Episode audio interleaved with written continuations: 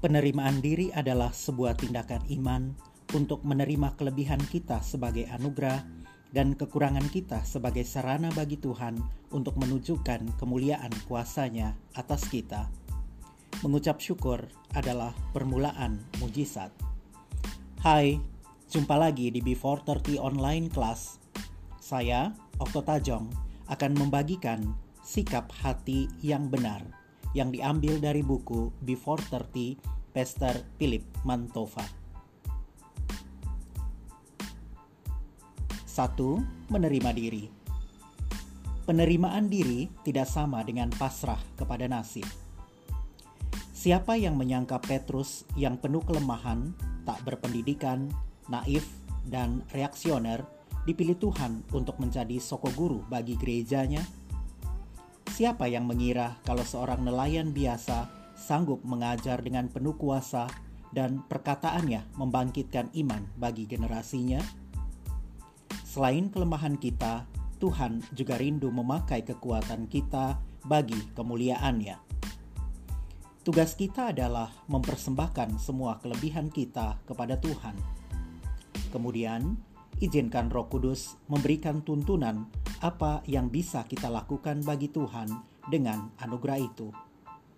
Roh Kudus akan menolong kita agar kekuatan kita menghasilkan buah-buah yang lebat bagi kemuliaan Tuhan. Inilah arti sesungguhnya penerimaan diri. Sikap hati yang benar akan membantu kita untuk naik ke level iman berikutnya. Bacalah Yohanes 6 ayat 1 hingga 41. Lalu, jawablah pertanyaan berikut ini. Apakah masalah dan kendala saat itu? Berapa banyak makanan yang mereka punya? Apa yang Yesus lakukan sebelum mujizat terjadi? Mujizat apa yang terjadi?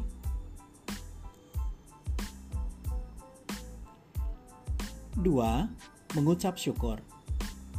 Apakah kita bisa mengucap syukur dalam segala keadaan?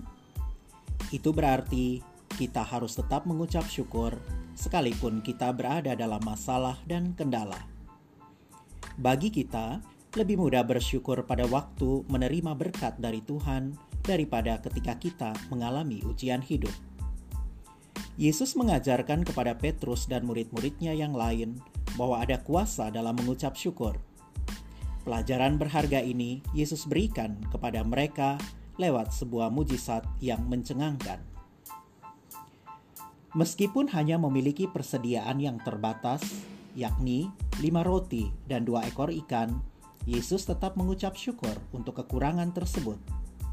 Ia sama sekali tidak menunjukkan kegusaran ketika kerumunan orang banyak itu kelaparan dan murid-muridnya tidak dapat berbuat apa-apa. Apa yang terjadi setelah itu?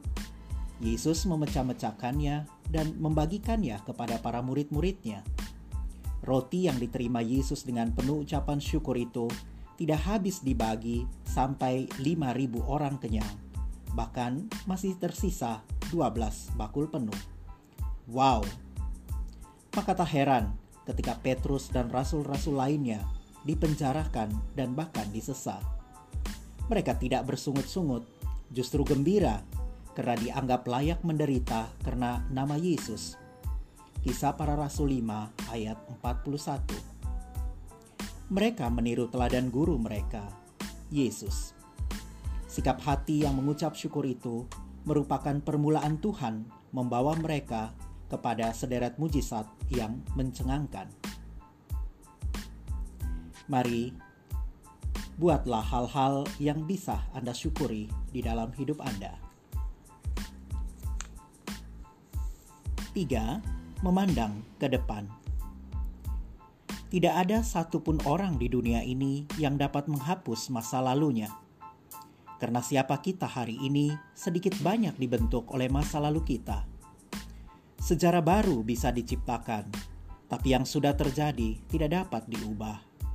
Itu yang terjadi dalam kehidupan Petrus ketika ia terlanjur memilih Yesus daripada karirnya.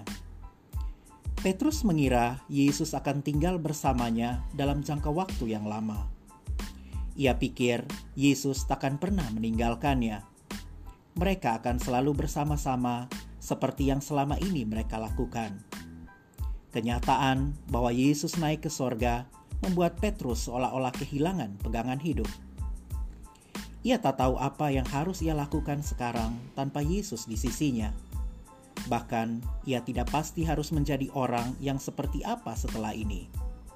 Menyembuhkan orang sakit itu bukan keahliannya. Ia cuma bisa mendoakan orang sakit. Membangkitkan orang mati itu jelas di luar kemampuannya sebagai seorang manusia. Sepanjang karir pelayanannya yang biasa-biasa saja, Yesuslah yang selalu dominan dan bukan dirinya. Sekarang, sosok dominan itu tidak ada.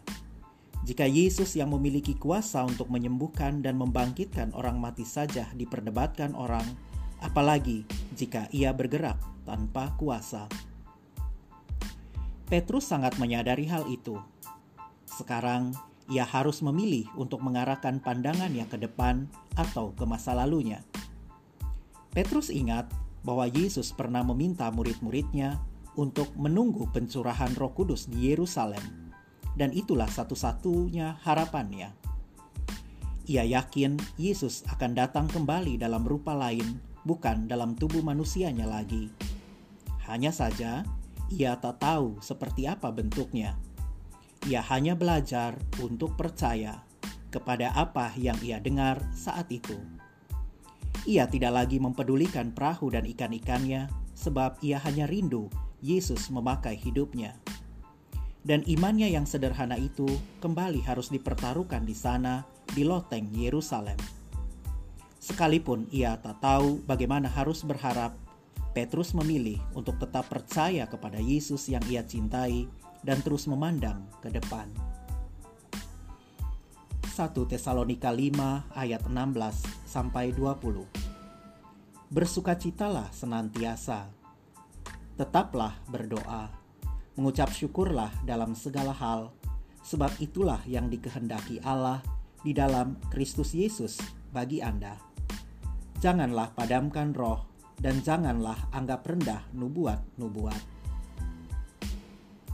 Mari renungkanlah. Sikap hati seperti apa yang Tuhan temukan dalam diri Anda saat ini?